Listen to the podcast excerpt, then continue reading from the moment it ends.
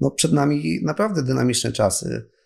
Pomyślcie, co będzie się działo, gdy na przykład gdy w końcu ta nasza wojna się skończy i rozpocznie się wielka odbudowa Ukrainy. Jaki wtedy będzie problem z materiałami, z ich cenami, z ekipami?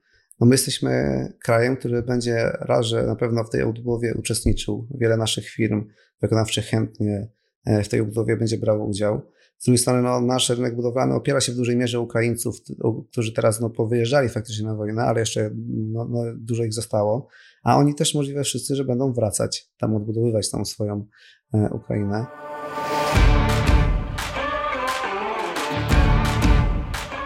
Słuchasz podcastu Inwestowanie w mieszkania.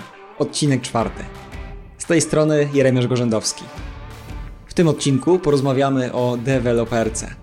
Zaprosiłem do rozmowy Kamila Matysika, który działa w biznesie od 2006 roku, ma na koncie 5 firm z różnych branż, a od kilku lat aktywnie działa na rynku nieruchomości, gdzie z bratem Maciejem Matysikiem w ciągu dwóch lat zrobili 39 flipów, w kolejnym roku wyremontowali 66 kawalerek w zrewitalizowanych budynkach, aż w końcu zajęli się deweloperką. W momencie nagrywania tego odcinka ich inwestycje deweloperskie przekroczyły już ponad 115 milionów złotych, a swoje inwestycje realizują przy minimalnym zaangażowaniu kapitału własnego. Notatki do tego odcinka znajdziesz na stronie inwestowaniewmieszkania.pl. Zaczynamy!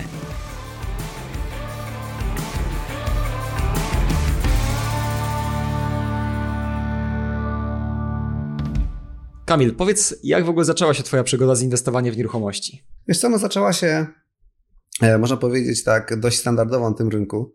E, w 2013 kupiłem swoją pierwszą kawalerkę na wynajem. Aha. Wtedy był taki dość, no jedyny taki rozpowszechniony pomarańczowy ruch, e, który do tych, do tych kawalerek namawiał. Potem miałem chwilę, powiedzmy chwilę przerwy na budowanie zdolności. W 2015 Kupiłem równolegle dwa mieszkania e, już z podziałem na pokoje, bo ten podział na pokoje gdzieś tam też mi się spodobał. To kiedyś pamiętam na mieszkaniczniku taką prezentację miał jeden z właśnie z członków. Tak więc fajne dwa mieszkania, jedno pod drugim, do tej pory je mam, e, oba podziałem na cztery pokoje.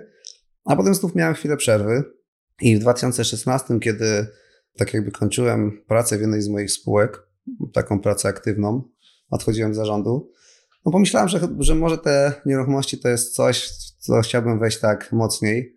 Wtedy też pierwszy raz e, poznałem Piotra Chmielewicza, e, a dookoła Piotra e, też nasłuchałem się dużo dobrego, zwłaszcza też o spółce inwestycyjnej, która pozwalała no, finansować takie bardziej masowe flipy. No i to, to było właśnie to, co, co skłoniło mnie, żeby pójść też do Piotra na szkolenie, żeby tej spółki dołączyć. I mając jakiś tam podstawowy kapitał, mogłem go dużo mocniej rozmnożyć właśnie dzięki działaniu ze spółką. I faktycznie tam na koniec 2016 e, razem z bratem Maciejem zaczęliśmy już tak mocniej działać e, w temacie gotowców inwestycyjnych. E, no zrobiliśmy ich dość dużo. Przez tam dwa lata zrobiliśmy ponad 40 40 takich flipów. Wszystkie to były mieszkania na pokoje. No tam potem zaczęły wchodzić już mieszkania z pokojami premium. E, ale fakt faktem to wszystko było przekonywane do, dla inwestorów. E, no i tak mnie ten świat nieruchomości wciągnął, że tak naprawdę moje pozostałe spółki jakoś tam jedną zamknęłem, e, jedną przejęła żona, moją spółkę herbacianą ze sklepem Krainy Herbaty i do tej pory sobie żona, żona to prowadzi skutecznie, a ja w 100% zajmuję się nieruchomościami. Mhm.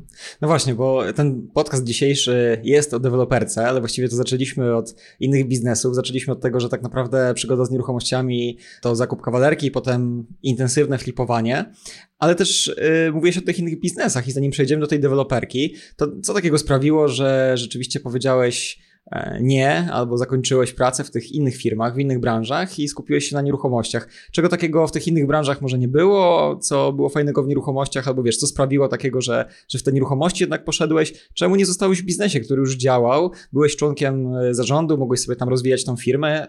Po co zmiana? Wiesz co, to, to bardziej kwestia jest tego, że ja lubię zmiany. Lubię mhm. robić nowe rzeczy, e, lubię rozwijać nowe projekty, a tak jakby już taka organiczna, dłuższa praca w projekcie powoli zaczyna mnie później nudzić. No ja miałem bardzo dużo firm z bardzo wielu branż. Ja miałem, e, zaczynałem od hostingu, sprzedaży domen, tą firmę sprzedałem. Miałem właśnie sklepy internetowe, mam do tej pory sklepy internetowe z herbatą, kawą, ziołami. Przechodziłem też przez platformy do koszulek z nadrukiem, gdzie właśnie przez długi czas działałem. Tak więc no tych może nie, może brzydko zabrzmi, że skaczę po tematach, ale po prostu zmieniają się moje zainteresowania i tak jakby wraz z rozwojem moich zainteresowań w innych obszarach, tam staram się wejść też biznesowo. Aha. No dobra, jeżeli chodzi o deweloperkę, to ile czasu tutaj zagrzejesz miejsce w takim razie, jak przewidujesz? Wiesz co, no to deweloperka, ogólnie nieruchomości są o tyle ciekawym tematem, ciekawą branżą, że, że tutaj za każdym razem możesz stworzyć coś nowego. Jest to jakaś nowa materia, zwłaszcza w deweloperce, tak? No można robić zabudowę wielorodzinną, jednorodzinną, można robić zabudowę e, typu apart hotele, e, tak jakby tu już w tym jest wiele możliwości. A dwa, że mimo wszystko za każdym razem tworzysz nowy projekt, czyli nowe osiedle, nowy budynek wielorodzinny, to od początku masz tą taką moc kreatora. Tak, okay. tworzysz nową materię, patrzysz jak ona powstaje, powstaje dość szybko, powiedzmy to jest rok, półtora, więc nie, nie ma możliwości, żeby się tak jakby tym danym tematem znudzić i robić coś nowego, tak? No więc y, to jest o tyle fajne, więc wydaje mi się, że tutaj troszkę dłużej zagrzeje miejsce. Okej. Okay. No to fajnie, fajnie. Wskazałeś na to, że to jest taki obszar rzeczywiście, że mówimy branża nieruchomości, ale tak naprawdę jest tutaj wiele obszarów takich mniejszych, które pozwalają długo i kreatywnie działać. Y, no dobra, no mieliśmy mówić o deweloperce, to powiedz w ogóle y, flipy, flipy, ale jak to się stało, że wzięliście się za pierwszy projekt deweloperski? No to właśnie była zasługa e, flipów. E, zasługa, może e, źle powiedziałem, bo to była właśnie negatywna strona flipów. W momencie, gdy robiliśmy ich naprawdę dużo, a był taki moment, kiedy przeprowadzaliśmy 14 remontów na raz, no okazało się, że to jest niesamowicie wyczerpujące. Przy flipach ci, którzy działają, wiedzą, że zwłaszcza, że robi się ich więcej naraz, no to trzeba sięgać po ekipy, różne ekipy z rynku. E, nie zawsze są to ta nasza jedna, dwie czy nawet trzy sprawdzone ekipy, no tylko musimy się posiłkować wykonawcami, których dopiero poznajemy. E, I no, przyznam szczerze, że to jest ciągła walka, tak? No, na, to jest rynek e, tych małych firm wykonawczych, jest bardzo mało sprofesjonalizowany. Bardzo łatwo trafić na wykonawców nierzetelnych, na ekipy, które się rozpadają, które, jak to zawsze sobie mówi, się śmialiśmy, umierają, jak nie dostaną wypłaty w piątek, więc w ogóle schodzą z budowy.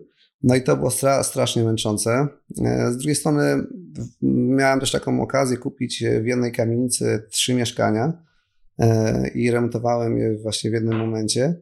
I zauważyłem, że no to też to już jest taka pierwsza optymalizacja, tak? Czyli jeżeli mamy w jednym miejscu trzy jednostki, które nadzorujemy podczas jednego wyjazdu, no to już dużo zmienia. No więc w 2018 no naszą pierwszą myślą było to, żeby kupić e, kamienicę. I faktycznie kupiliśmy tu razem ze, ze współfinansowaniem e, spółki Piotra kupiliśmy kamienicę w Poznaniu. To było jakoś w lutym. E, zaczęliśmy ją remontować, ale to dalej nie było to. To mimo wszystko jest e, takie rzeźbienie w materii, która już była. I to nie jest też to, co, co nas do siebie przekonało, więc jeszcze w tym samym roku, w wakacje, akurat też mieliśmy szczęście, trafiła się nam działka w naszym rodzinnym mieście w Świnoujściu. Mhm. Tak zupełnie można powiedzieć przypadkowo, bo znajomy, który miał lokal w budynku, który stał na tej działce, dowiedział się, że właściciel chce to sprzedać, no pomyślał od razu o nas e, i tak się nasza rozpoczęła przygoda. E, też mieliśmy dobrą sytuację, bo mieliśmy już takiego zaufanego wykonawcę, e, który też realizował właśnie realizacje wielorodzinne. Tak więc mu ufaliśmy, był naszym takim sprawdzonym wykonawcą, więc o tyle mieliśmy już takiego z tyłu głowy, że mamy kim ten projekt realizować. Ponieważ to było nasze też rodzinne miasto, to mieliśmy też e, no, pewne takie dojścia łatwiejsze może do, do urzędników. No też nie chcę mówić o jakichś tam koneksjach, bo takich nie było, ale po prostu znaliśmy to lokalne środowisko. Mhm. E, widzieliśmy, kto jest dobrym architektem, który się porusza skutecznie w temat właśnie w Świnoujściu. Tak więc no, to, to nam pomogło na pewno E, podjąć jakieś tam decyzje o rozpoczęciu tego. Mhm. I ile czasu minęło od tego, jak dowiedzieliście się o tej transakcji do rzeczywiście już takiej finalizacji, czyli podpisania powiedzmy umowy zakupu? Wiesz co, no dowiedzieliśmy się o tym, jak dobrze pamiętam, pod koniec czerwca. Chwilę później podpisałem, no chwilę później, no jakoś tam na początku sierpnia podpisaliśmy umowę przedstępną, bo potrzebowaliśmy tam tak jakby zdobyć, potwierdzić jeszcze trochę dokumentów e, w Urzędzie Miasta Świnoujścia, no i umowa przyrzeczona zakupu tej działki była we wrześniu. Okay. Tak więc no, nie był to dość długi, długi okres, no, dość sprawnie to wszystko poszło. Mhm. Okej, okay, no to był jednak pierwszy zakup deweloperski, bo, bo wcześniej takiej transakcji deweloperskiej nie robiliście. No, co było najtrudniejsze w analizie tej transakcji, nie mając doświadczenia deweloperskiego? Jest to no, najtrudniejsze w tej analizie tej konkretnej działki były, e, były już takie niuanse zapisane w miejscowym planie zagospodarowania przestrzennego, mhm. bo z jednej strony jeden z zapisów mówił o tym, że, że na działce można wybudować budynek czterokondygnacyjny, drugi zapis e, mówił o tym, że może być nawet 12 kondygnacji, zresztą za tym budynkiem stoi wieżowiec, który ma 12 kondygnacji, no ale faktycznie dookoła jest zabudowa tam 4-5 kondygnacyjna.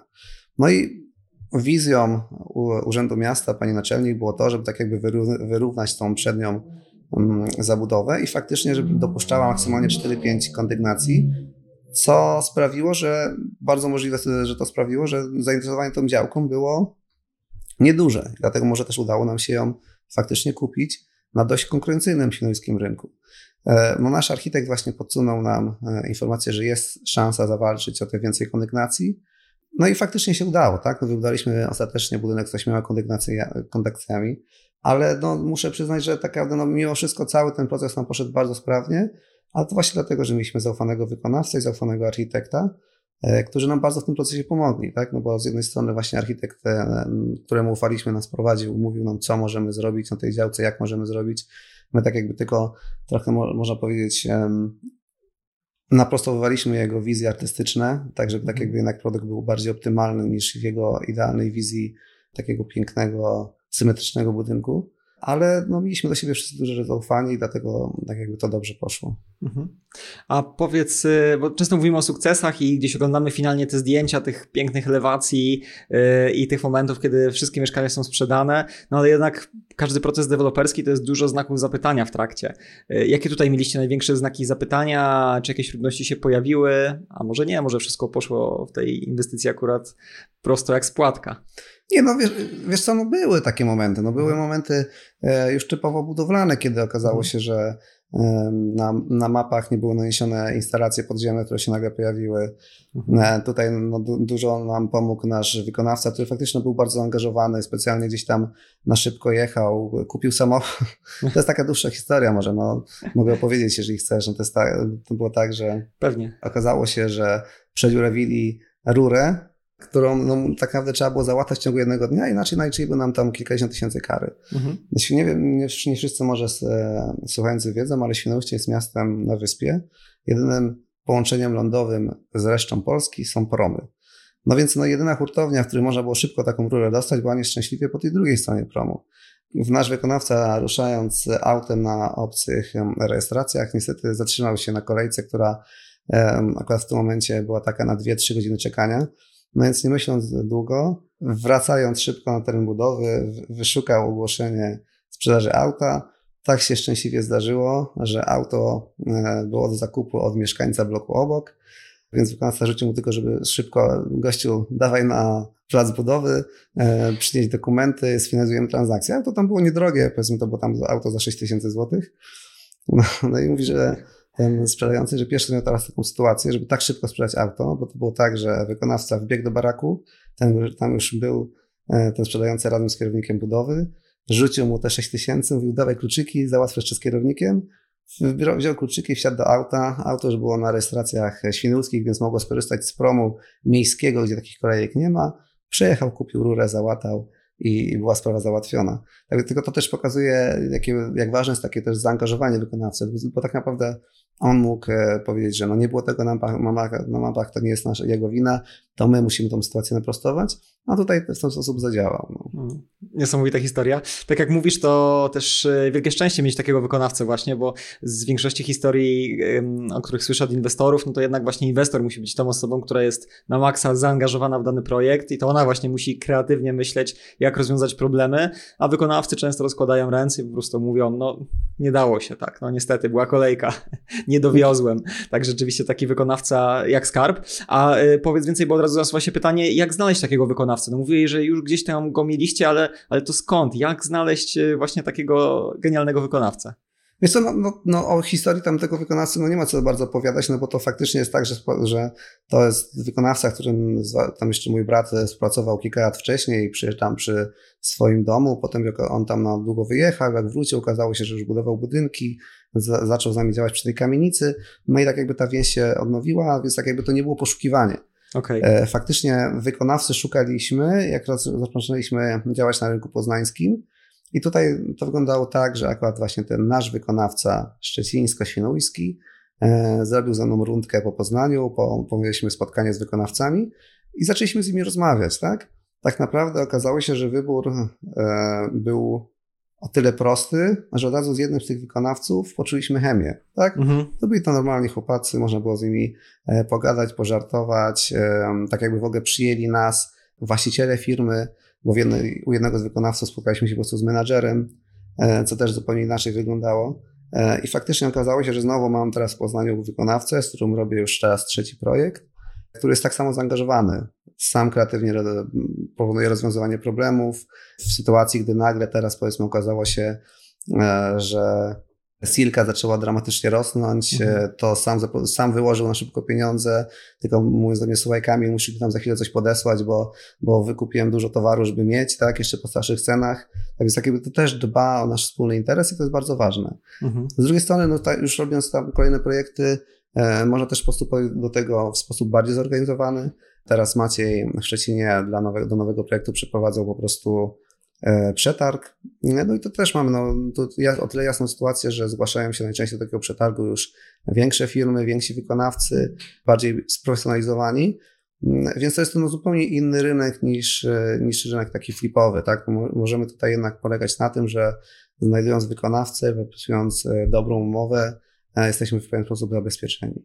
Aha. Tak już tak weszliśmy w temat y, poszukiwania wykonawcy, to w y, zwykłych remontach, przy flipowaniu czy remontach mieszkań na wynajem często mamy takie czerwone albo przynajmniej pomarańczowe światełka, jeżeli wyszukujemy wykonawcę, że na przykład nie chce podpisać umowy albo nie chce doprecyzować terminu wykonania, już wtedy wiemy, że właśnie zapala nam się ta czerwona albo co najmniej pomarańczowa lampka i z takim wykonawcą nie chcemy współpracować. Mówisz, że przy deweloperce no to jest zupełnie inny jakby temat, inny obszar, ale też może jesteś w stanie wskazać takie pomarańczowe albo czerwone flagi, które sprawiają, że no to dwa razy zastanówmy się, czy chcemy wziąć takiego generalnego wykonawcę właśnie w deweloperce. Czy wiesz co, no na pewno jest to kwestia finansowania, tak? No jeżeli e, wykonawca żąda jakieś zapłaty z góry, bądź nie ma w ogóle jakichś własnych finansów, czyli, nie, czyli na tym, że mówić o jakimś e, częściowym rozliczaniu po pracy, no to jest, to jest sygnał, że tak jakby nie ma własnego finansowania, nie ma własnego zaplecza finansowego, mhm. co na pewno jest złym sygnałem. Z drugiej strony, no przy moich mimo wszystko pozytywnych doświadczeniach, ja bardziej mogę wskazać takie bardzo zielone flagi, tak? Czyli coś, Aha. co poka pokazuje, że ten wykonawca ma duży potencjał do tego, żeby być dobrym. Jeżeli wysyłamy wykonawcom potencjalnym projekt i na spotkaniu przychodzą oni przygotowani perfekcyjnie, czyli nie dość, że znają ten projekt, to jeszcze od razu wskazują, co można zoptymalizować. Takie właśnie sytuacje miałem i w Poznaniu, i w Szczecinie. Tak jakby już jest gotowa lista tego, że tutaj możemy te ławy usunąć, bo są niepotrzebne. Tu może zamienimy ten materiał na taki, balustrady zmienimy z, ze szklanych na proszkowe, to daje nam, wiesz, to są konkretne liczby, już podnoszę, daje nam pół miliona oszczędności. Mhm. No to jeżeli masz wykonawcę, który od razu ci przychodzi tak przygotowany, czyli chciało mu się poświęcić ten czas, a przy okazji ma wiedzę i doświadczenie, które pozwala mu na taki, taki projekt zoptymalizować, no to znaczy, że jest potencjalnie dobrym wyborem. I faktycznie było tak, że na części spotkań nie było w ogóle takiej rozmowy, czyli tak jakby albo nie poznali projektu, albo nie, nie postarali się go w żaden sposób zoptymalizować, bądź nie wiedzieli, jak zoptymalizować. Tak? No więc to też pokazuje, że to niekoniecznie jest nasz pierwszy wybór. Mhm, okej, okay, okej. Okay. No to warto o tym pamiętać na pewno. Czyli kwestia tego finansowania to też oczywiście pojawia się w zwykłych flipach, w zwykłych remontach, ale w deweloperce nadal jest to pewnie jeszcze ważniejsze, bo mówimy o zdecydowanie większym obszarze prac tak naprawdę, nie? Tak, i w dużo większych kwotach, tak? No bo mhm, tutaj no, mhm. mówimy o projektach na miliony, no więc no jakieś tam podstawowe, podstawowy zasób własnej gotówki wykonawca musi mieć, tak? No żeby nie było tak właśnie, że nie otrzyma od nas przelewu, to zaraz też zamyka firmę i, e, i nie ma czegoś finansować. Dokładnie. Dobra Kamil, wróćmy do y, waszej pierwszej realizacji w Świnoujściu. To był budynek wielorodzinny i właściwie już teraz y, chciałbym się zatrzymać i zapytać Cię, ale, ale jak to? Ale dlaczego budynek wielorodzinny? Często się mówi, że pierwsza inwestycja to powinna być no, jak najprostsza, budynek jednorodzinny, na którym człowiek się dopiero nauczy. Skąd odwaga, a może coś innego sprawiło, że poszliście właśnie w taki duży projekt od razu? Wiesz co, nam nikt nie powiedział tego, że, o tym, że powinniśmy zacząć od małych realizacji. Mhm. E, no my, my z Maćkiem zawsze tak jakby no, lubiliśmy wyzwania, dlatego też wcześniej robiliśmy no tyle flipów naraz. Nie lubimy się ograniczać. E, jak już coś robimy, to robimy faktycznie to całym sercem. E, jesteśmy w to mocno zaangażowani. No tutaj też nie ukrywam, że no, sytuacja wynikła z tego, że taka działka nam się po prostu nagle trafiła. Tak? No, jeżeli przyszła do nas fajna działka w mieście, które E, pod kątem sprzedaży nieruchomości jest niesamowicie chłonnym rynkiem. E, działek tam już jest bardzo mało, a mieszkania no, schodzą tam tak naprawdę na pniu w bardzo fajnych stawkach, które są nieosiągalne nawet w części e, większych miast w Polsce, a no przypomnijmy, że Świnoujście to jest miasto 40 paru tysięczne. A przy okazji właśnie tak jakby mieliśmy zaplecze w postaci architekta i tego wykonawcy, no to oczywiście, no i oczywiście mieliśmy duże zaplecze finansowe, no też jest bardzo ważne, tak? No, no, no byśmy w ogóle się nie porwali na taki temat, gdyby nie e, Piotr, jego spółka inwestycyjna, no, tak jakby już zbudowana relacja z nim. E, no bo no, też nie ukrywam, że jedną z większych przeszkód było właśnie to, że musieliśmy Piotra i Izę namówić na to, żeby się zgodzili sfinansować taką e, inwestycję. To mhm. była pierwsza inwestycja deweloperska, e, którą nie oni realizowali, bo oni już tam wcześniej swoje inwestycje realizowali, ale tak jakby z zewnątrz, którą mieliby sfinansować, którą społeczność miałaby sfinansować. No tak więc musieliśmy i przekonać Piotra i Izę i też przy okazji inwestorów, że podołamy. No na szczęście nam się to udało, tak? No, mieliśmy argumenty. Mieliśmy siłę perswazji, trochę musieliśmy, tam musiałem pochodzić, z Piotrem porozmawiać, ale się udało.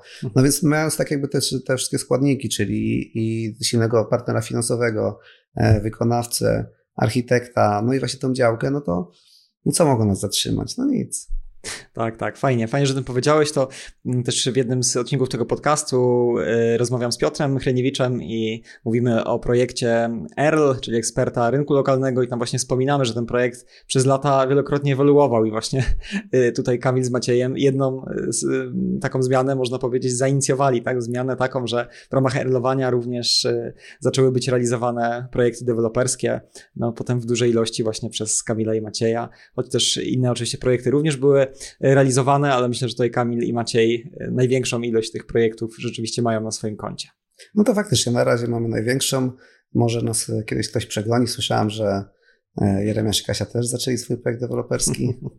tak, tak, zgadza się. Także e, lista e, wyzwań rośnie i myślę, że kolejne osoby będą się dopisywać i myślę, że to taka zdrowa konkurencja, żeby właśnie wejść na pierwsze miejsce ilości projektów. Także jeżeli nas słuchacie i macie ochotę, ochotę też zacząć działać w deweloperce, to, to mam nadzieję, że też będziecie brali udział właśnie w tym małym wyścigu właśnie, kto tutaj największą ilość projektów zrealizuje. Będzie to z korzyścią na pewno dla jak największej ilości osób. No dobra, Kamil, wróćmy znowu do tej pierwszej e, transakcji, żeby trochę zamknąć jej temat. To jeszcze chcę Cię dopytać, bo często mówimy o takich e, przeszkodach, e, ale czy były jakieś miłe rzeczy, które się związały z tą całą inwestycją? Czy były, można powiedzieć, niespodzianki, czyli czy nawet dostaliście więcej niż przewidywaliście? Czy coś takiego było, co Was pozytywnie zaskoczyło w tej pierwszej transakcji? Jest to, no cała ta transakcja to było można powiedzieć, nieustające pasmo sukcesów. No, może to zabrzmi teraz dziwnie, ale faktycznie, no, gdybyśmy, e, znaczy ta inwestycja nas zachęciła do dalszego działania, takiego też dość dynamicznego. Po pierwsze, no tutaj e, sprzedaż, rozpoczęliśmy sprzedaż tej, tej inwestycji jeszcze zanim uzyskaliśmy pozwolenie na budowę. W momencie, kiedy faktycznie już mieliśmy pozwolenie na budowę, mieliśmy 30% sprzedanych lokali. Cennik w tej inwestycji zmieniliśmy 8 razy oczywiście w górę, e, wciąż ceny podnosiliśmy. Tak więc no faktycznie no, dużo nam rzeczy sprzyjało. Były tam oczywiście no, pewne jeszcze jakieś tam problemy po drodze, ale mimo wszystko transakcja przebiegła bardzo sprawnie, do tego stopnia, że e, nasz wykonawca budował dużo szybciej niż w harmonogramie. E, miało to też pewną konsekwencję taką, że tak jakby wyprzedził harmonogram również płatności klientów, no i tu znowu, że, że tego nawiążę, e, dzięki naszemu partnerowi finansowemu nie był to dla nas problem, po prostu musieliśmy na chwilę pożyczyć e, jeszcze trochę środków, żeby tak jakby doczekać do tego momentu, aż będziemy mogli uwolnić środki z rachunku powierniczego, ale to też pokazuje, że nawet, że akurat w drugą stronę zbyt szybka budowa też może być pewnym problemem, na którym trzeba być e, przygotowanym. Ale fakt faktem, moja inwestycja zaczęła się, skończyła się bardzo szybko. No, cały budynek powstał w 12 miesięcy. Mieliśmy już w tym momencie wszystkie lokale sprzedane. Tak więc no, nie, mo nie, mogę powiedzieć, że nie było większych problemów z tą inwestycją. No były oczywiście pewne wyzwania, jak na przykład to, że musieliśmy e, partycypować w budowie drogi z miastem Świnoujścia. Droga była potrzebna, żebyśmy spełnili wymagania przeciwpożarowe. Ale oczywiście znowu, jak to w Polsce, e, droga do tej pory nie powstała. Zbudowaliśmy tak zwaną drogę tymczasową z płyt. Obawiam się, że ta droga tymczasowa będzie służyła tam jeszcze przez wiele lat, jak to czasem w Polsce z tymczasowością bywa. Ale to są takie rzeczy, na które po prostu trzeba być e, przygotowanym e, też mentalnie, tak? Czyli wiadomo, że jakieś tam wyzwanie się pojawi. Jeżeli jesteśmy gotowi, no to po prostu znajdujemy rozwiązanie. Fajnie, tak. No i z tym trzeba zawsze zostać, że jak jest jakiś problem, to trzeba szukać rozwiązania, nie usiąść i płakać, bo nic z tego nie wyjdzie, zwłaszcza w biznesie. No, takie płakanie to nie tylko płakanie, ale też pogrążanie się w kosztach. A jak wiele sytuacji takich krytycznych pokazuje, no to tak naprawdę z każdej sytuacji jest jakieś, jakieś wyjście. Czasami ono przynosi jakieś koszty, trzeba coś oddać, żeby pójść dalej, no ale, ale tak to po prostu bywa. Nie, tak, tak. No właśnie to jest, to jest tak naprawdę rola, najważniejsza rola dewelop, dewelopera, no bo no, kim jest deweloper? No, deweloper to nie jest ta osoba, która buduje tak naprawdę. Jak widzicie, nasza rola tutaj to było tak. Z jednej strony mieliśmy e, wykonanego wykonawcę, mieliśmy spółkę inwestycyjną, mieliśmy zewnętrznego sprzedawcę, czyli tak jakby całą sprzedaż oddaliśmy też do zewnętrznego podmiotu, a my, my byliśmy tą instancją, która to wszystko musiała spajać i właśnie reagować na ewentualne problemy, tak? Problem rozwiązuje też się też kolektywnie, czyli też mieliśmy spotkania w budowie, mieliśmy spotkania właśnie tak, takie tak zwane narady inwestycyjne, gdzie mamy i architekta, e, generalnego wykonawcę, często angażowaliśmy też biuro sprzedaży, jeżeli przy, przy innych inwestycjach problem był związany również, albo problem mógł wpłynąć na sprzedaż, bądź już na klientów, którzy kupili. No i właśnie na takich naradach rozwiązuje się problemy, ale deweloper musi być zawsze tą osobą, która właśnie nie siada i nie załamuje się, tylko przed do przodu, tak? I, i chce znaleźć rozwiązanie, i motywuje innych, żeby to rozwiązanie znaleźć. Mhm. No dobra, to tak trochę zmieniając temat, ale zahaczając o to, co powiedziałeś, że deweloper nie jest tą osobą, która buduje, tylko tutaj spina różne branże, no to tak naprawdę ile czasu trzeba mieć, żeby być deweloperem? Czy osoby, które pracują w innej branży, gdzieś tam są na etacie, czy w ogóle mogą myśleć o tym, żeby zająć się deweloperką? Tak, tak. No jeżeli opieramy się właśnie na generalnym wykonawcy, czyli nie budujemy systemem gospodarczym, kiedy to my organizujemy całą budowę, podwykonawców, materiały, no to jak najbardziej. E, paradoksalnie, odkąd zaczęliśmy zajmować się deweloperką, to ja mam więcej czasu dla siebie i dla rodziny e, niż w momencie, gdy robiliśmy flipy.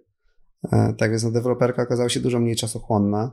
Tutaj najważniejszy jest tak, zwany mental. No, musimy przestawić się na większe liczby, na to, że no, problemy są trochę w większej skali, ale czasowo to deweloperka jest e, procesem według mnie e, łatwiejszym, tak? No bo e, w dużej mierze opieramy się właśnie mimo wszystko na outsourcingu w tej, w tej branży, czyli no to nie my projektujemy, tylko projektuje architekt, tak? Architekt załatwia pozwolenie na budowę na podstawie pełnomocnictwa, które od nas otrzymuje. Potem generalny wykonawca odpowiada za realizację budowy. Jeżeli nie budujemy własnego biura sprzedaży, to z właśnie zewnętrznego biura sprzedaży odpowiada za sprzedaż. Tak więc to nie my odbieramy telefony od klientów e, i prezentujemy domy czy mieszkania, tylko właśnie przedstawiciele zewnętrznego biura. No chyba, że idziemy tak jak teraz przy jednej z inwestycji, gdzie organizujemy własne biuro sprzedaży, no to wtedy faktycznie dochodzi jeszcze jeden etap do nadzoru, czyli nadzorujemy pracowników biura sprzedaży, ale mimo wszystko jest to e, coś, co można ogarnąć e, w, w mniejszej ilości czasu niż właśnie według mnie przy flipach, zwłaszcza takich masowych. Mhm. Jasne. A powiedz, ile trzeba na taki cały projekt przewidzieć, bo wspomniałeś już, że sama budowa, sprzedaż przy pierwszym projekcie trwała 12 miesięcy, co wydaje się bardzo krótkim e, okresem czasu, ale tak patrząc na inne wasze realizacje, ile czasu cały projekt deweloperski może trwać? No, myślę, że tak optymalnie można zamknąć się w okresie dwóch lat od momentu zakupu działki. Jeżeli kupujemy działkę że jak powiem, czystą, czyli nie gotowca, no bo też można kupić na przykład działkę z pozwoleniem budowy, no to wtedy faktycznie jesteśmy do przodu o powiedzmy pół roku. Jeżeli nie, no to mniej więcej trzeba liczyć okres półroczny, e, no do 8 miesięcy na zaprojektowanie budynku, uzyskanie pozwolenia na budowę. No trochę może więcej czasu zająć, jeżeli potrzebujemy jeszcze warunki zabudowy, ale jako warunki zabudowy najczęściej uzyskuje się jeszcze przed zakupem działki. Posiłkując się e, umową przedstępną warunkową. No ale jeżeli licząc ten czas, no to faktycznie na warunki zabudowe jeszcze potrzebujemy też 3 miesiące. No więc e, może się zdarzyć w najgorszym przypadku, że od momentu złożenia wniosku warunki zabudowy do uzyskania na pozwolenia na budowę, no może na minąć rok, tak? Mhm. E, no potem w zależności od skali złożoności projektu, no to na budowę powinniśmy przeliczyć właśnie rok do półtora. E, no myślę, że to nawet przy budynkach wielorodzinnych e, półtora roku to jest czas, kiedy jesteśmy w stanie taki budynek wybudować. No i kolejną kwestią oczywiście jest sprzedaż. No, na rynku, który był do tej pory, z całą sprzedaż można było zamknąć jeszcze właśnie w, w czasie budowy. Obecnie mo, mo, jest taki czas, że trzeba się liczyć też z tym, że ta sprzedaż może się wydłużyć. Zobaczymy, jak będzie się zmieniać sytuacja na rynku, ale no to tak czy siak, no, okres dwuletni no to jest okres, w którym można zamknąć inwestycję deweloperską. Mhm. Okej, okay, okej. Okay. Czyli rzeczywiście no, w porównaniu do flipów jest to no, zdecydowanie większy czas, oczywiście w odniesieniu do dużej ilości flipów, bo możemy myśleć o gotowcach, czy jakichś flipach e, penthouse'ów, czy, takich budynków, które rzeczywiście dłużej się sprzedają, natomiast typowy flip, no to, to jest e, zdecydowanie niższy okres, e, mniejszy okres czasu, natomiast jeżeli chodzi o deweloperkę, to troszkę tutaj trzeba tego czasu mieć, ale niekoniecznie na co dzień go poświęcać, tak? Tylko zaplanować po prostu na dłuższy okres. Ale... Wiesz, wiesz co, no? No? jeżeli chodzi o flipy, no? to najdłuższy flip, jaki, e, jaki robiliśmy, trwał tyle, co budowa naszego budynku wielorodzinnego. Aha. Mieliśmy takie pechowe mieszkanie, gdzie trzy razy zmieniała nam się ekipa, uciekali, no, czy raz trzeba było przeprowadzać remont od początku, tak naprawdę po, po takiej bardzo partackiej ekipie. E, I do tej pory się, tak się z tego śmiejemy właśnie, że to mieszkanie, w remont tego mieszkania trwał tyle, co budowa budynku z pięcioma, sześcioma mieszkaniami. nieźle, nieźle, nieźle. No to słuchaj, no tak, tak wróciliśmy trochę do tych flipów. To dla osób, które może teraz flipują, a myślą o deweloperce, to przypomnę tą taką, nie wiem, tezę, czy, czy ten cel taki pierwszy, który postawiłeś, który mówiłeś, że dlatego poszliście w deweloperkę, żeby yy, nie zajmować się już flipami, bo to może za mała skala, a tak naprawdę chcecie skalować, tak? Czyli można powiedzieć, że tak można byłoby zrozumieć po tej pierwszej tezie, że deweloperka to po prostu takie zeskalowane flipy. Czy rzeczywiście teraz z perspektywy wielu projektów deweloperskich tak możesz powiedzieć, czy tak jest? Jakie są główne różnice między flipowaniem a projektami deweloperskimi? Czy jasne, tak na pewno jest. E, e, jedną też z tych motywacji, o których mówiłem, było to, że chcieliśmy zacząć współpracować z bardziej profesjonalnymi podmiotami, tutaj też mówiąc e, o wykonawcach. Ale fakt faktem, no to najważniejsze jest to, że wykonujesz wiele jednostek w jednym miejscu, tak? No, zamiast e, na przykład robić 14 mieszkań rozsianych po całym mieście, bądź najwyżej że w dwóch miastach, to mamy na przykład budynek z 56 mieszkaniami albo osiedle, tak jak teraz realizuję pod Poznaniem, gdzie mam 36 domów. No i mam te 36 domów w jednym miejscu. Czyli wszystkie prezentacje odbywają się w jednym miejscu, cała budowa i nadzór odbywa się w jednym miejscu. E, I no to jest dla mnie bardzo, to, to stanowi dla mnie bardzo dużą wygodę, tak? Więc e, dzięki temu właśnie zyskujemy czas, więc no to jest taka główna różnica. Mhm, okej, okay, okej. Okay. A powiedz, jeżeli chodzi o trudności, ale takie, które przychodzą z zewnątrz, jaki wpływ na Wasze inwestycje miała pandemia, potem wojna? Pandemia to był śmieszny czas, bo mm, tak jak pamiętasz, na początku była taka no, dość duża panika wszyscy wstrzymali oddech, siedzieliśmy mhm. zamknięci w domach. Faktycznie sprzedaż zupełnie się załamała. W sensie no nic się nie działo tak na rynku. Nikt nie kupował, nikt nie sprzedawał. E, ale trwało to dość krótko, bo jak pamiętam, no, tam po pierwszych trzech miesiącach cały rynek nagle ruszył. Mm, e, okazało się, że mieszkania, które do tej pory w ogóle się nie sprzedawały, mieliśmy takie mieszkania duże, 84 metry, nagle sprzedały się wszystkie. E, to chyba było też na kanwie tego, że ludzie podczas lockdownu, siedzenia w domu, zauważyli, że potrzebują więcej przestrzeni.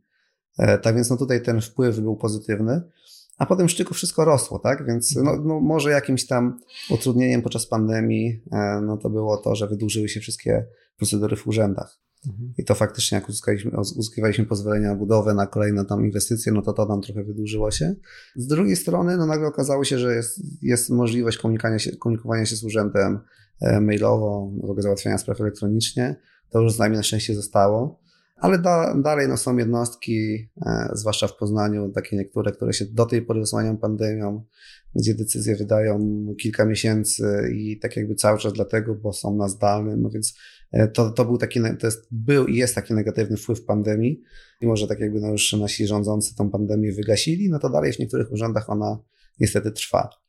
Mhm. Jeżeli chodzi o wojnę, no to tu sytuacja jest na, no na razie trochę gorsza, tak? No wszyscy obserwujemy to, co się teraz dzieje, rosnącą inflację, przez to rosnące stopy procentowe, malejącą zdolność kredytową.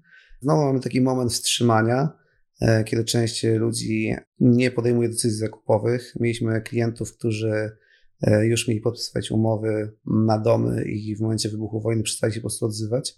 Tak więc no, tak jakby to wpłynęło negatywnie na sprzedaż. Ale w dłuższej perspektywie myślę, że znowu będzie taki moment e, okrzepnięcia, e, otrzeźwienia i tak jakby decyzje, ludzie wrócą do swoich decyzji zakupowych. Jeżeli mhm. ktoś miał potrzebę posiadać dom lub miał potrzebę posiadać mieszkanie, no to dalej tą potrzebę ma, tak?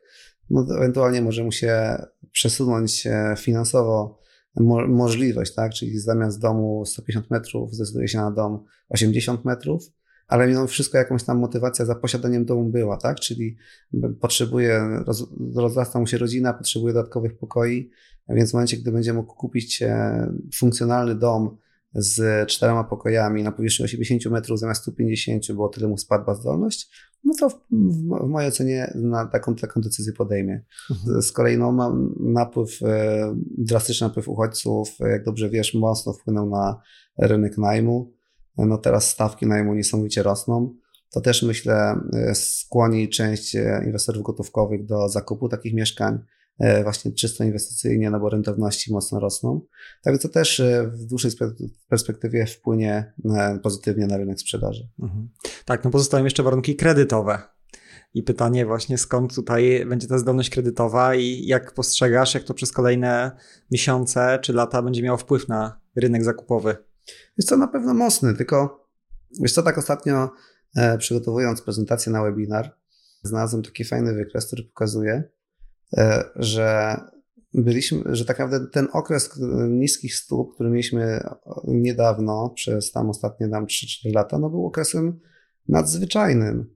Przez wiele lat e, stopy były wyraźnie większe. Przez bardzo długi czas, tam w latach 2000, bo jak dobrze pamiętam, 11-15, no stopy były też na poziomie właśnie 5-6%, a ilość kredytów była na wysokim poziomie przyznawana, tak? No to było kredyty na poziomie 400 e, miliardów, mniej więcej tam się wahało góra dół, ale to było zawsze w okolicach tam 400 miliardów. Teraz w, tych, e, w tym najbardziej gorącym okresie no to były poziomy rzędu 60-70 e, miliardów, ale znowu to nie jest aż tak drastyczna zmiana, tak? No, zwłaszcza, że ceny nieruchomości wtedy były niższe, czyli ilościowo może się okazać, że mieszkań było sprzedawanych na kredyt tyle samo, czyli że było tyle samo kredytów przyznawanych, tak? Mhm. Więc e, no, teraz na pewno jest taki okres, kiedy są raz, że rosną stopy, a dwa, że zaostrzane są, zaostrzana jest polityka e, przyznawania tych kredytów, więc na pewno ma to negatywny wpływ, ale niedługo będziemy mieli rok wyborczy, e, już mamy zapowiedzianą zmianę stawki mhm. WIBOR na inną, która będzie niższa. Myślę, że znajdą się jeszcze inne zachęty.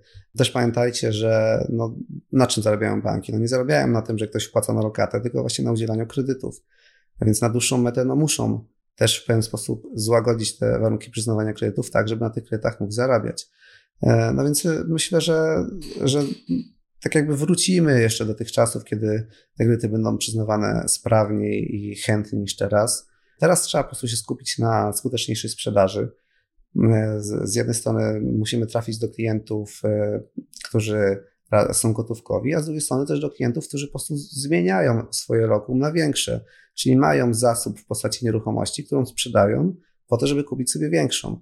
Takich klientów też jest dużo. Na pewno no nie są już to czasy, tak jak mieliśmy do tej pory, że wszystko sprzedawało się na pniu na podstawie jednego ogłoszenia e, w oto dom, tak? No teraz trzeba się bardziej postarać, ale myślę, że dalej można skutecznie sprzedawać i można skutecznie prowadzić takie inwestycje. Tak więc no, w żaden sposób my nie podejmujemy decyzji o wygaszaniu inwestycji albo o wstrzymywaniu się z nowymi. Tak jakby no, myślę, że, e, że rynek dalej będzie funkcjonował. Na pewno będzie na nim trudniej, ale na, na rynku, na którym jest trudniej, przetrwają ci, którzy są bardziej kreatywni e, i nie poddają się działaniu. Mhm. Tak, tak. I za to trzymajmy kciuki, żeby, żeby tak było, jak mówisz. I no rzeczywiście też tak jest, że my się łatwo przyzwyczajamy do pewnych sytuacji, nie? I wystarczy, że jakaś zmiana nastąpi i już mamy wrażenie, że po prostu stało się coś nieprawdopodobnego, a tak jak mówisz, wystarczy zacząć analizować historię i okazuje się, że no wiele rzeczy już było i nie był to koniec świata. I też tak trochę bardziej odnosząc się do flipów, bardzo często spotykam się z osobami, które kilka lat temu flipowały, a teraz już nie flipują albo nie kupują mieszkań na wynajem. I na pytanie, ale dlaczego przestały to robić, to one po prostu mówią, no bo teraz nieruchomości są takie drogie, a one kiedyś kupowały za połowę tego za metr kwadratowy i dlatego już teraz nie inwestują. Więc no, jest to oczywiście powód taki typowo psychologiczny, nie ma uzasadnienia finansowego tak naprawdę, inwestycyjnego. Zmieniły się uwarunkowania, no, do tych uwarunkowań po prostu trzeba się przyzwyczajać, adaptować i, i działać tak, żeby wygrać w tej grze no tak, nieruchomościowej. Tak, dokładnie, zwłaszcza, że no, przed nami naprawdę dynamiczne czasy. Pomyślcie, co będzie się działo, gdy na przykład gdy w końcu ta nasza wojna się skończy i rozpocznie się wielka odbudowa Ukrainy. Jaki wtedy będzie problem z materiałami, z ich cenami, z ekipami? No my jesteśmy krajem, który będzie raz, że na pewno w tej odbudowie uczestniczył. Wiele naszych firm wykonawczych chętnie e, w tej odbudowie będzie brało udział. Z drugiej strony no, nasz rynek budowlany opiera się w dużej mierze Ukraińców, którzy teraz no, powyjeżdżali faktycznie na wojnę, ale jeszcze no, no, dużo ich zostało. A oni też możliwe wszyscy, że będą wracać tam, odbudowywać tą swoją e, Ukrainę. Z drugiej strony Mamy też e, dużą część e, uchodźców no, z tych 3 milionów, które są teraz, e, ale no, może to dojść nawet do 5, jak specjaliści przepowiadają, którzy po prostu zostaną już w Polsce. No jeżeli stwierdzą, że nie mają do czego wracać, tak, no, taka, taka odbudowa, odbudowa budynków wielorodzinnych na Ukrainie, no przecież to nie jest tak, że skończy się wojna i nagle one powstaną, tak, no to też są kolejne 2-3 lata, zanim to wszystko tam zacznie się jakoś tam powstawać. E, ci ludzie już zaczną sobie tak jakby na nowo układać życie właśnie w Polsce. E, więc oni też będą mieli ogromny wpływ nasz na, rynek, na rynek najmu i na rynek sprzedaży, w ogóle na, cało, na całość naszych dostępu do usług. Więc no przed nami bardzo dynamiczne czasy, dużo będzie się zmieniać, więc my musimy się stale do tego adaptować. Jeżeli nie jesteś w stanie się zaadaptować do zmiany, to nie poradzisz sobie tak naprawdę w żadnym biznesie. Czy to flipy, czy deweloperka, czy sprzedaż marchewki. No więc to no tak naprawdę no, musimy być jako przedsiębiorcy takimi osobami, które właśnie się adaptują do zmian skutecznie. Mhm. Dokładnie, tak, tak właśnie jest. Kamil, yy, chcę Cię jeszcze zapytać o kwestię szkolenie deweloperskich i tego, jak się kształcić, jeżeli chodzi o deweloperkę, bo razem z Twoim bratem Maciejem działacie też w tym obszarze, ale też takie pierwsze pytanie, które mnie ciekawi, które chciałbym zadać, to jest obserwuję taki, taki, takie zjawisko, że ludzie chodzą na wszelkie szkolenia, tak? Z deweloperki też tych szkoleń jest trochę, ale rzeczywiście tych uczestników szkoleń jest dużo, ale potem działaczy jest mało, ludzie nie przechodzą do działania w Twojej ocenie, z perspektywy tego działacza, a nie takiego wiecznie szkolącego, szkolącej się osoby tylko, tylko też działającej, to jak myślisz, dlaczego tak jest? Dlaczego ludzie nie przechodzą do działania? Wiesz co, no, mogą być dwa czynniki. No jeden to jest mimo wszystko strach, czyli no boisz się przejść na te większe liczby. Nawet jeżeli byłeś skuteczny we flipach, to myślisz, że no deweloperka, gdzie już trzeba obracać milionami, no to jest coś za dużego dla ciebie. E, albo że to jest skomplikowane. No, tak naprawdę brakuje często takiego pierwszego impulsu, żeby to zrobić, tak? Czyli e, nie szukać ograniczeń, tylko właśnie trzeba usiąść, znaleźć działkę i zacząć coś z tym, z tym tematem robić. A z drugiej strony, no też jest na pewno kwestia finansowania. No, jeżeli znowu wracamy do tych milionów, no to jednak te miliony trzeba skądś pozyskać. Jeżeli się dopiero wchodzi na rynek, jest się nowym deweloperem, no to zwłaszcza teraz e, uzyskać kredyt deweloperski, no to jest bardzo ciężka sprawa. Tak więc no jeżeli nie ma się własnego zaplecza finansowego jakiegoś, e, no to to, to jest też pewne ograniczenie. E, więc no taka spółka, którą, z którą my pracujemy, no to w tym momencie faktycznie jest skarb. Mhm. Okej, okay, okej, okay. czyli te dwa aspekty z Twojej perspektywy mogą być blokujące. A powiedz w takim razie z perspektywy szkoleniowca, bo tak jak mówiłem, przygotowaliście z Maciejem szkolenie praktyczna deweloperka, to jest szkolenie dostępne online, ale ze wsparciem też potem y, osobistym na zamkniętej grupie na Facebooku. Powiedz, dla kogo jest takie szkolenie praktyczna deweloperka? Jest to no, dla tych, którzy chcą działać którzy już e, tak jakby pokonali ten swój mental i chcą zacząć faktycznie działać, ale właśnie na przykład brakuje, sądzą, że brakuje im wiedzy, brakuje im doświadczenia i brakuje im finansowania.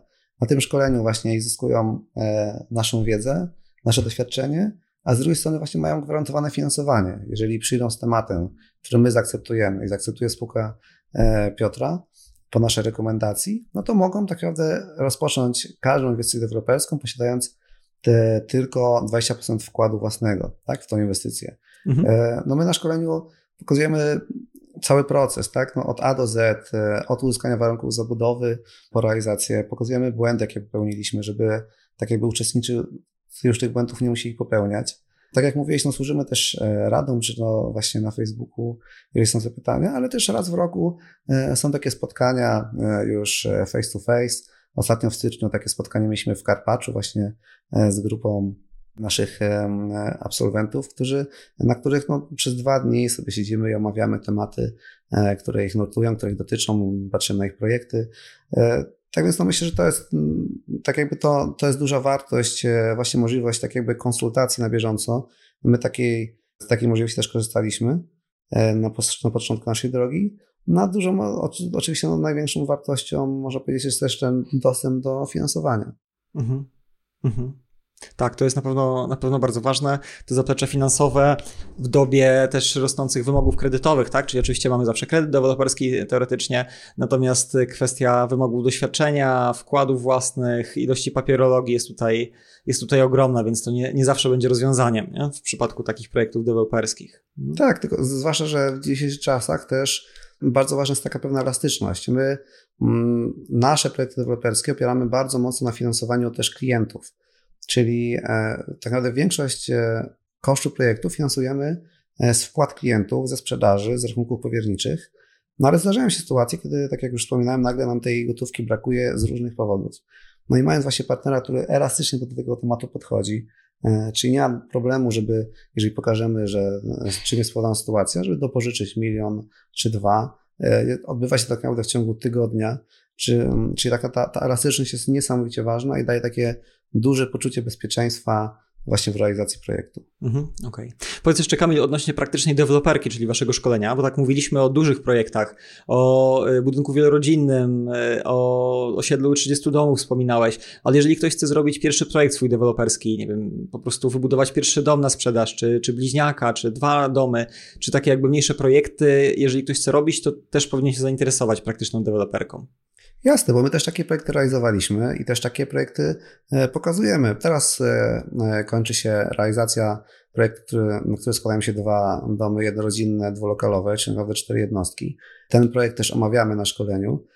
Tak więc jak najbardziej nawet warto faktycznie zacząć od mniejszego projektu, bo raz, że potrzebujemy mniejsze, mniej fina, mniejsze rzeczy finansowe, a dwa, że tak naprawdę cały proces, jaki jest do przejścia, jest taki sam przy czterech domach, jak i przy 36 czy przy budynku wielorodzinnym, a możemy podjąć decyzję o realizacji takiego projektu przy takim mniejszym ryzyku i mniejszym obciążeniu psychicznym wewnętrznym, tak? Mm. No my akurat nie mieliśmy takiego problemu, czyli w sensie my sobie łatwo radzimy z, z, własnymi emocjami, tak? Czyli nie był dla nas problemem wejście w większy projekt, ale jak najbardziej rozumiem osoby, które bałyby się po prostu wejść od razu w taki projekt rodzinny e, i faktycznie najlepszą ścieżką, jaką polecam, jest zacząć od mniejszych projektów, bo wtedy zdobywając doświadczenie, takie własne przekonanie, że udało mi się postawić właśnie te dwa domy czy cztery domy, jesteśmy w stanie potem pójść krok dalej i zbudować już osiedle bądź właśnie budynek wielorodzinny. Mhm. Super, dzięki.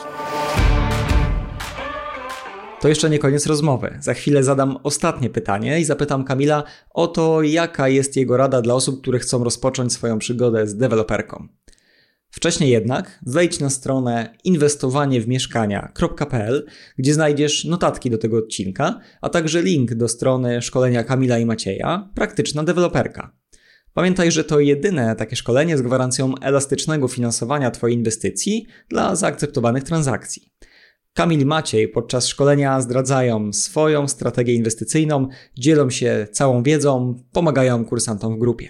Jeśli szukasz dobrego szkolenia deweloperskiego, to warto sprawdzić praktyczną deweloperkę. A teraz wracamy do gościa, który podpowie, od czego zacząć. Kamil, na koniec naszej rozmowy mam do Ciebie jeszcze jedno bardzo ważne pytanie, zwłaszcza dla osób, które dopiero będą zaczynać. Mianowicie, co byś poradził takiej osobie, która chce zacząć swój pierwszy projekt deweloperski? Na co zwrócić uwagę, od czego zacząć? Pierwszy projekt. No, wiesz co, no, na pewno no, w dzisiejszych czasach, zwłaszcza tych e, czasach już e, powojennych, jakkolwiek to brzmi, nie polecam uczyć się na własnych błędach. Czyli no, mimo wszystko skorzystałbym z jakiegoś szkolenia. Nie mówię, że naszego. Jest naprawdę na rynku bardzo duży e, wybór szkoleń, ale warto z jakąś wiedzę na start zdobyć, tak? No, to jest kluczowe, żeby właśnie nie uczyć się na własnych błędach, tylko posłuchać, jakie błędy można popełnić, jak skutecznie podejść do realizacji.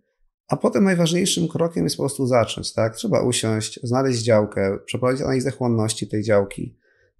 No bo, bo najwięcej tak naprawdę z tego, co widzę nawet po naszych kursantach, osób e, pozostają w tym pierwszym etapie, czyli na etapie znalezienia działki.